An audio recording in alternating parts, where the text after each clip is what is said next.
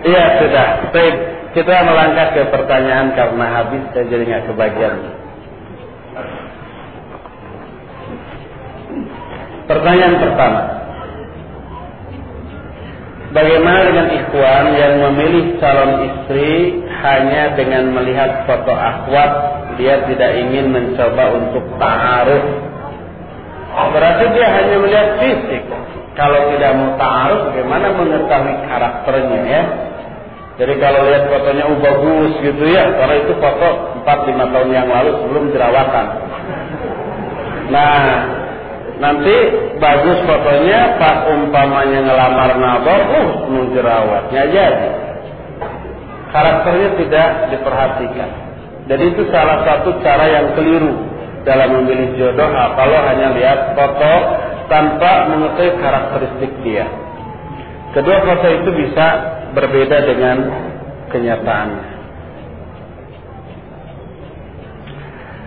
Bagaimana menyikapi bila ada orang yang selalu bertanya, kapan menikah sedangkan saya berusia kepala tiga atau lebih?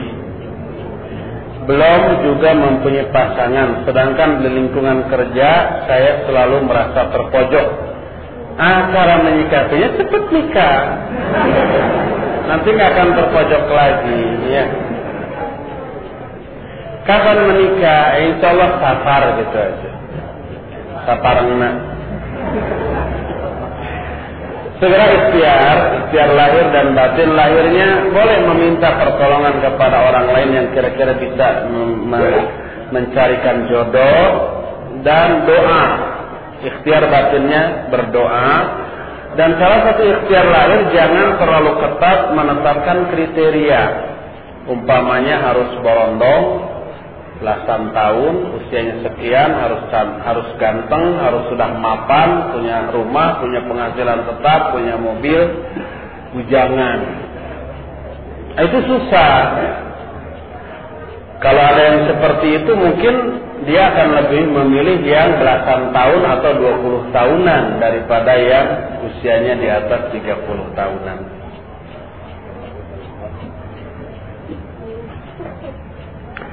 Mohon penjelasan tentang ungkapan. Jika menginginkan istri seperti Fatimah binti Muhammad Maka jadikan dirimu seperti Ali bin Abi Thalib.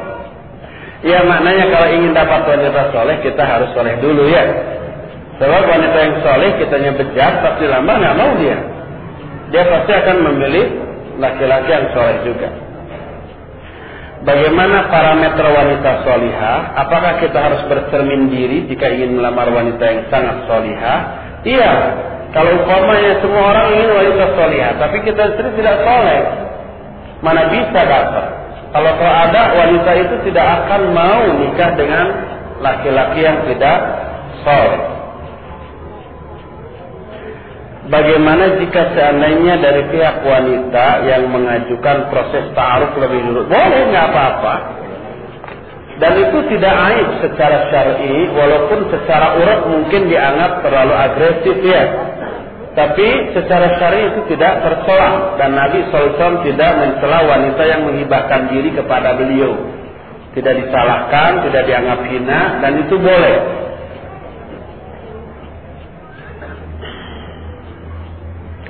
Bagaimana dengan suami yang menginginkan istrinya ikut bekerja mencari nafkah? Ya, kalau si suami tersebut memiliki penghasilan yang cukup, lebih baik tidak. Pertama, biarlah istri itu mengurus dirinya dan anak-anaknya, suami dan anak-anaknya.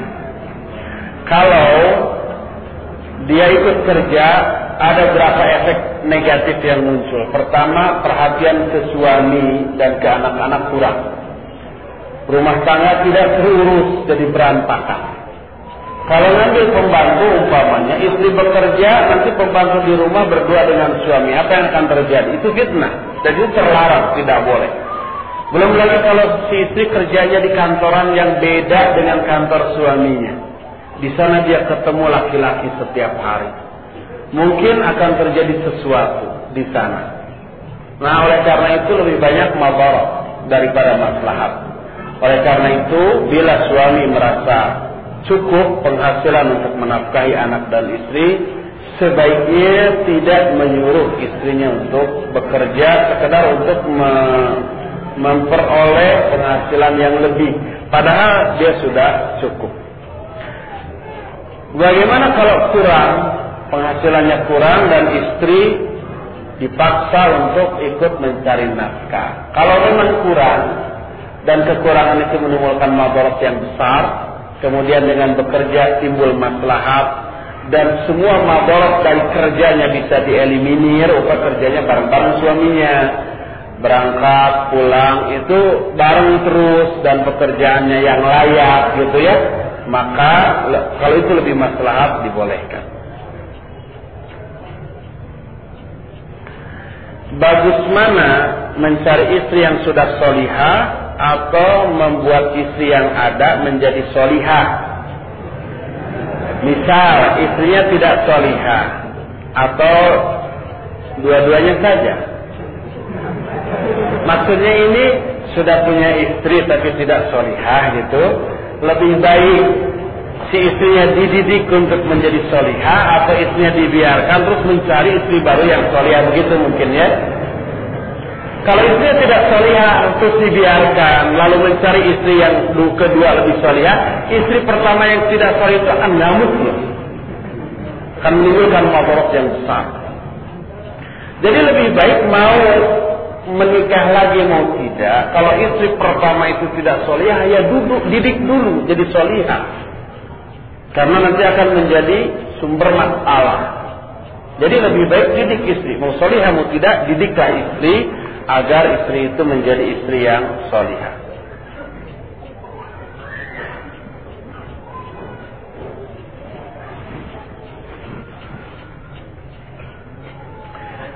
Bagaimana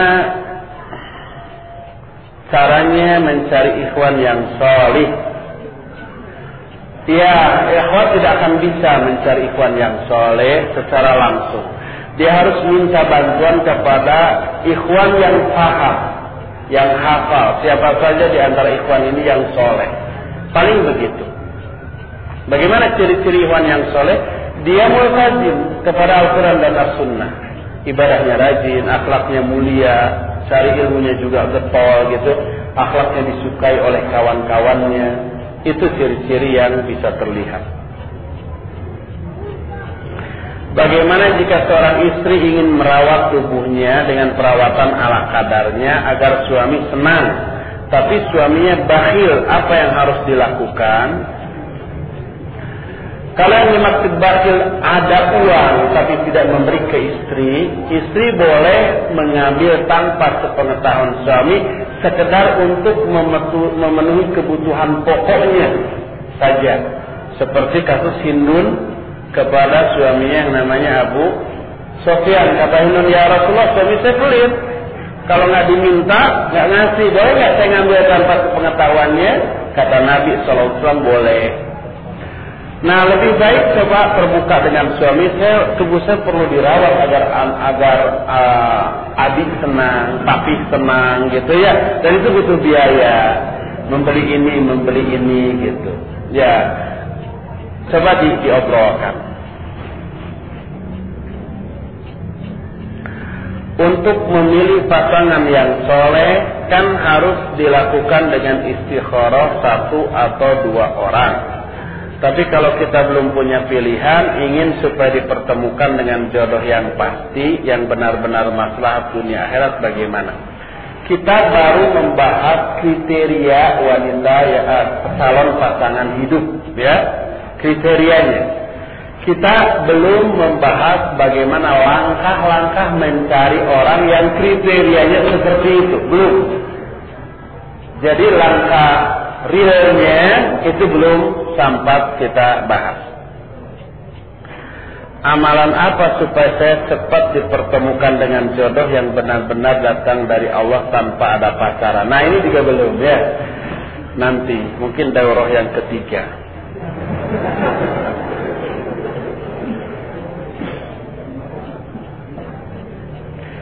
Saya punya saudara laki-laki, saya menginginkan dia menikah dengan wanita soleh Sayangnya dia belum menjadi laki-laki yang soleh. Apakah pantas dia mendapatkan wanita yang soleh? Enggak, enggak pantas. Bagaimana caranya ngajak dia menjadi laki-laki soleh? Suruh ngaji, suruh bergaul dengan ikhwan-ikhwan ya, nasihati terus gitu.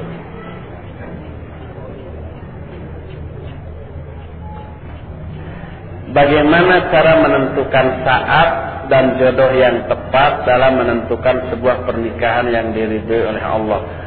Kalau saat yang tepat tidak ditetapkan hari atau tanggalnya, tapi lihat saja situasi dan kondisi dari segala segi.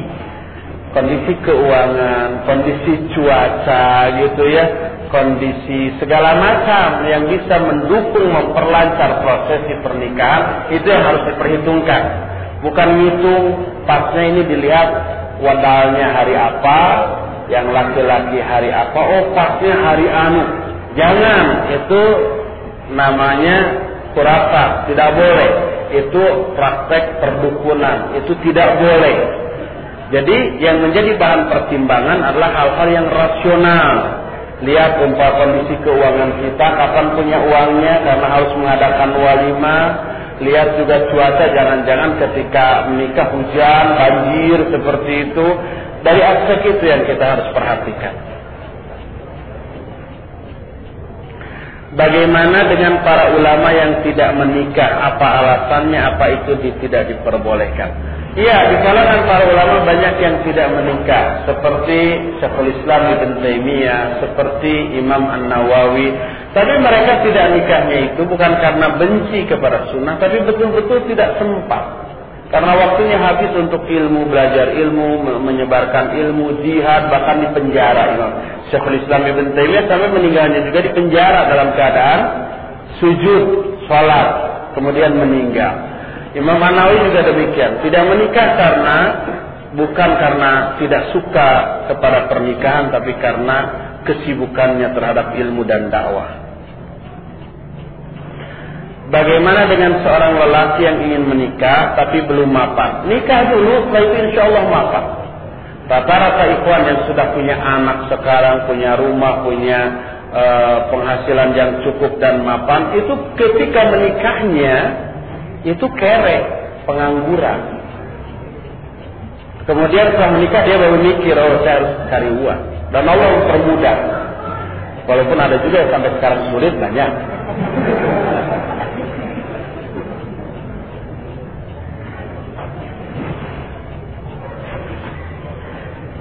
Bagaimana caranya supaya mudah mendapatkan jodoh? Saya sudah ikhtiar dan berdoa tapi Allah belum juga mentakdirkan saya menikah. Para usiaku semakin menua. Ya, tadi seperti yang saya katakan, langkah-langkah mencari jodoh belum belum kita bahas ya, baru kriteria saja. Bagaimana kalau Ustadz membuka biro jodoh yang syar'i?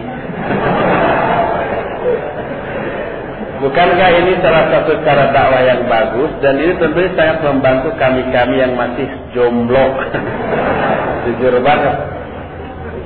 Secara resmi kita tidak tidak membuka biro jodoh. Secara resmi dengan saya diumumkan ada kartu anggota teman enggak. Tapi siapa ikhwan dan akhwat yang membutuhkan bantuan ingin nikah segera tapi nggak tahu harus ke mana. Boleh. Ada yang bertanggung jawab yaitu ketua yayasan Hil Sunnah. Ustadz Abu Malik Hari Badar nama asli namanya. Disebut Ustadz Abu Malik. Dan istrinya. Itu memiliki peran besar dan memiliki stok data yang cukup banyak kalau ada atau awat yang ingin nikah, terus lapor ke saya, saya suka lempar ke dia nih. Sebab dia, saya yakin suka banyak stok data yang cukup gitu ya. Siapa tahu ada yang cocok, lalu dia yang mengikhtiarkan. Jadi ikhwan dan akhwat yang tadi ngaku masih jomblo dan ingin segera usianya sudah menjelang asar, maka boleh menghubungi saya, boleh menghubungi Ustaz Hari Badar dan datanya harus jujur ya umur jangan dikorupsi gitu ya sudah umur 36 atau 26 gitu. sudah 26 atau 18, jangan. Harus jujur.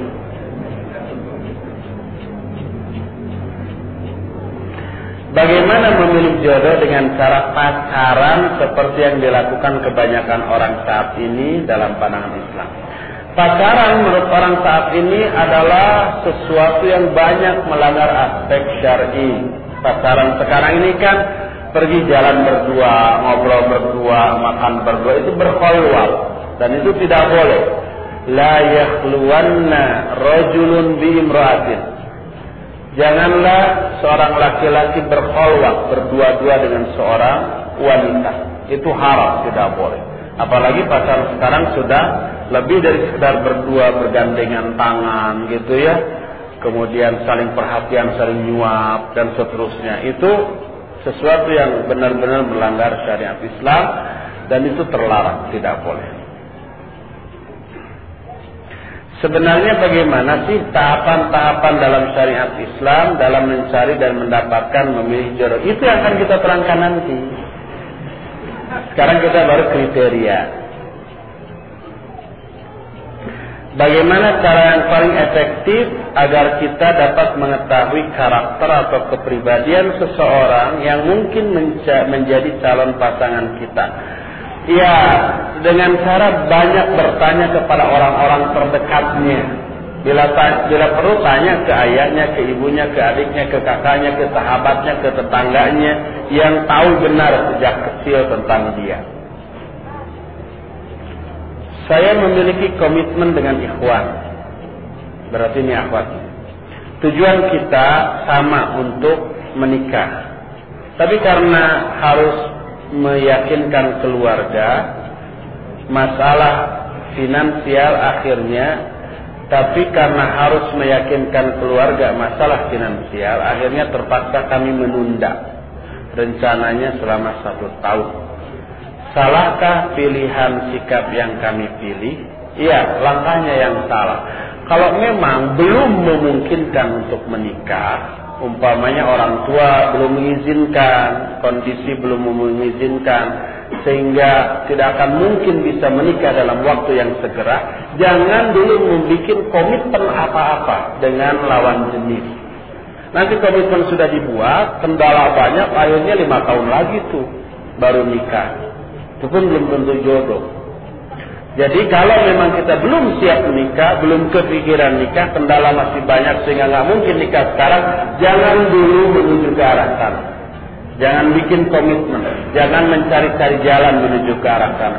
Kecuali kalau orang tua bilang, kamu segera dong cari pasangan, gitu ya. Sudah semuanya sudah siap, baru kita bikin komitmen dengan orang yang juga sudah siap sesegera mungkin.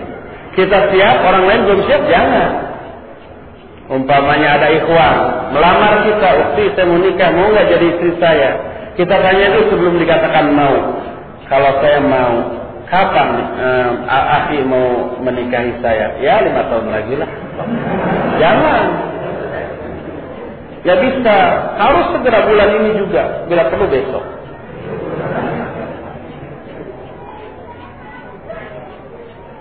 Bagaimana menjalani proses ini agar pernikahan kami tetap diberkahi oleh Allah? Putuskan dulu.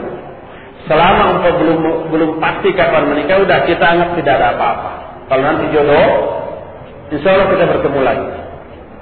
Nah, untuk mendukung komitmen itu jangan komunikasi. Apalagi sekedar kata basi, ukti lagi apa jam segini? Ingat nggak ke saya? SMS ya. Jangan hindarkan komunikasi yang tidak perlu. Bagaimana cara meyakinkan keluarga agar tidak perlu khawatir masalah finansial? Jelaskan sejelas yang kita bisa. Kalau kita tidak bisa atau kurang meyakinkan, beri buku, beri kaset, CD ceramah tentang masalah itu. Cari orang yang kira-kira bisa meyakinkan orang tua kita. Itu berapa hal yang bisa kita lakukan. Anak seorang akhwat yang sudah siap untuk menikah, tapi kedua orang tua anak belum mengizinkan. Apa yang harus anak lakukan? Coba yakinkan orang tua agar mereka mengizinkan. Tanya apa kendalanya kok nggak mengizinkan saya nikah? Kalau umur sudah cukup. Kalau ada alasan bantah alasannya sampai dia nggak punya alasan apa pun. Apakah berdosa menolak lamaran ikhwan yang di mana orang tua sudah sangat setuju? Apakah termasuk durhaka kepada orang tua? Penolakan tersebut dikarenakan tidak ada kecenderungan hati Ya bilang saja kalau memang tidak mau, bilang tidak mau sudah. Tapi kalau kecenderungan hati itu karena aspek fisik, sebaiknya jangan. Lihat aspek agama tadi. Kata Nabi SAW, Ida ja'aka man tarbawna hadinahu wa khuluqahu. Uh, fitnatun fil kabir. Kalau datang kepada kamu seseorang laki-laki yang kamu ridhoi agamanya dan akhlaknya, nikahkan. Kalau enggak akan timbul fitnah yang besar dan kerusakan yang besar. Jadi lihat agamanya, bukan rupanya, fisiknya. Kalau agamanya buruk sehingga kita tidak cocok, tidak cocok, nah baru itu alasannya syar'i untuk ditolak. Islam memerintahkan kita untuk mempunyai anak yang banyak. Namun sebagian orang mengatakan bahwa kata banyak itu yang dimaksud adalah dari segi kualitas. Yang namanya banyak kuantitas di mana-mana juga. Sehingga menjadi alasan bagi mereka untuk berkabeh. Untuk apa punya anak banyak kalau nggak benar lebih baik sedikit tapi lebih banyak lebih baik banyak tapi benar. Di mana-mana yang namanya banyak kuantitas bukan kualitas, tapi kualitas tidak boleh diabaikan. Kalau umpamanya pilihannya ya lebih baik sedikit tapi soleh-soleh daripada banyak tapi semuanya jahat-jahat. Iya kalau pilihannya begitu. Tapi kan pilihan bukan cuma dua. Ada pilihan lain banyak anak semua soleh. Itu terbaik. Gitu ya. Kalau dua bisa kita didik secara soleh, kenapa kalau lima tidak? Kalau dua bisa kita didik dengan soleh, lima juga bisa karena tidak bersamaan. Pasti nggak akan blok lahir lima sekaligus kan? Satu-satu ini dididik dulu sehingga dasar-dasar kesolan ditanamkan. Baru dua tahun kemudian lahir yang kedua. Nanti akan ikut kakaknya tuh. Akan mengikuti alur yang sudah lebih dahulu dilalui oleh kakaknya yang sudah dikondisikan oleh orang tuanya. Bagaimana sikap seorang pemuda untuk bersikap mendahulukan menuntut ilmu syar'i atau menikah di usia muda? Ya, sebenarnya dua hal ini tidak harus dipertentangkan. Antara nikah dan mencari ilmu dua-duanya bisa berjalan seiring. Tapi kemudian masalah muncul setelah nikah karena setelah nikah disibukkan dengan mencari nafkah, mengurus anak, istri sehingga waktu untuk mencari ilmu menjadi berkurang. Kalau itu yang terjadi sehingga mabarat, maka lebih utama mendahulukan mencari ilmu syar'i. Kalau memang kedua-duanya tidak bisa dilakukan bersamaan. Apa indikator kewaludan dari calon suami? Apakah harus ikut check up Tadi sama, lihat bapaknya, lihat ibunya, lihat kakak-kakaknya, gimana anak-anak mereka, banyak atau sedikit. Itu yang bisa kita lakukan. Mohon nasihat mengenai mahar bagi seorang wanita. Apakah sebaiknya wanita yang minta mahar atau bagaimana? Apakah mungkin mahar itu hasil dari kompromi atau kesepakatan ataukah sudah harga mati? wanita berhak meminta jenis mahar yang dia inginkan. Kalau suami mampu penuhi, kalau nggak mampu boleh nawar. Umpamanya si suami calon suami nanya maharnya mau apa? Kata Ahwat ada dua pilihan, ya. Satu mobil atau uangnya 200 juta. Itu aja. Si calon suami nggak mampu boleh nawar. Gimana kalau mobil-mobilan aja? Atau uang 200 ribu. Istilah itu nggak setuju, turun dia. Jangan 200 juta lah gitu ya. 150 juta. Dia naik saya 300 ribu. Terus nanti sampai pada harga yang disepakati. Kayak jual beli. Betul kayak jual begini mas. Seperti itu. Tapi biasanya nggak sampai segitu amat ya. Biasanya akhwat kona'ah ya. Ada yang ngelamar juga sudah alhamdulillah.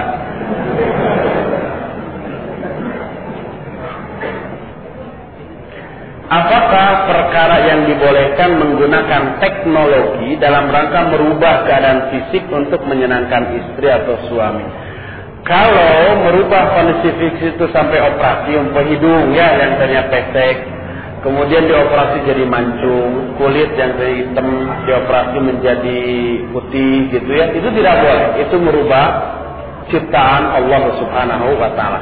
Tapi kalau menggunakan teknologi untuk merubah, ya bukan merubah, tapi e, memperbaiki, umpamanya kulit yang tadinya keriput, umpah karena tua, dengan teknologi tertentu bisa menjadi kenceng lagi. Dengan adanya obat-obat herbal tertentu yang tidak merusak gitu ya menjadi bagus lagi. Itu dibolehkan.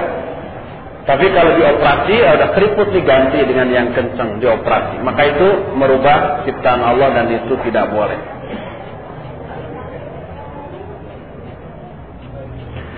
Bagaimana dengan wanita yang mandul? Apakah mereka tidak akan menikah? Ya, menikah juga, tapi rata-rata kan kemandulan tidak diketahui kecuali setelah menikah.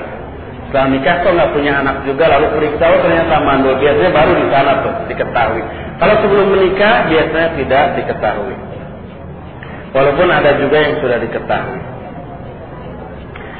Bagaimana acara resepsi pernikahan? Oh belum ya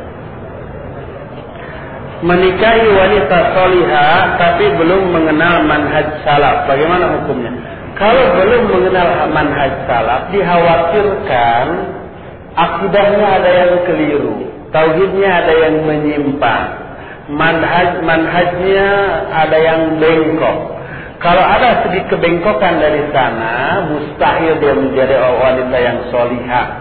Karena penyimpangan akidah, penyimpangan uh, tauhid itu lebih asasi, lebih fundamental daripada penyimpangan akhlak.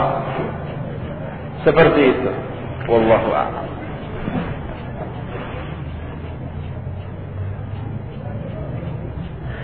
Mana yang lebih saya pilih bila ada wanita sebagai berikut? A. Solihah, rajin ibadah, tapi kurang berkarakter. Maksudnya kurang berkarakter itu apa ya? B. Ibadah sekedarnya cuma yang wajib tapi berkarakter bagus. Cara pilihan C ya. Maksudnya solihah, rajin, tapi kurang berkarakter itu mungkin karakternya buruk itu ya akhlaknya mbak. Berarti tidak solihah dia. Ada ibadah sekedarnya cuma yang wajib tapi berkarakter bagus. Maksudnya akhlaknya bagus gitu ya. E, cuma yang sunnah-sunnah banyak ditinggalkan gitu hanya yang wajib-wajib. Ini lumayan daripada tadi solihah rajin ibadah tapi kurang berkarakter. Kurang berkarakter kalau yang dimaksud kurang berkarakter akhlaknya jelek berarti tidak solihah dia. Kalau itu pilihannya cuma dua, pilih B.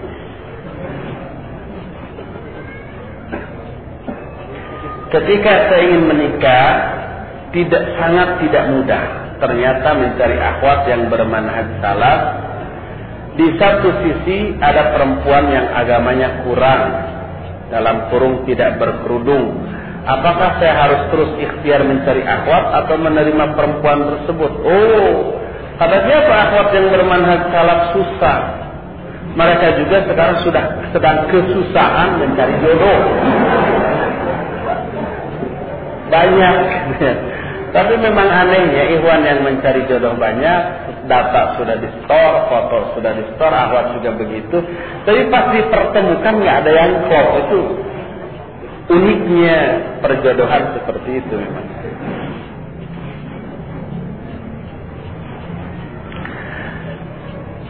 Afwan Ustaz dari tadi dibahasnya tentang istri solihah terus Mana pembahasan suami solihnya? Tadi sudah tersirat ya. Dan belum nanti akan terbahas juga bagaimana sebab ada kriteria yang berbeda antara laki-laki dengan wanita seperti yang wadud tadi itu khusus eh, yang walud tadi khusus wanita ya kalau laki-laki biasanya tidak dilihat dari aspek itunya tapi yang soleh yang lemah lembut yang penyayang itu sama. Sama seperti itu. Ya sampai di sini saja dulu pertanyaan yang sisanya. Itu nanti akan kita teruskan pada zuhur. Untuk sekarang kita harus siap-siap untuk sholat zuhur. Insyaallah pada zuhur kita lanjutkan.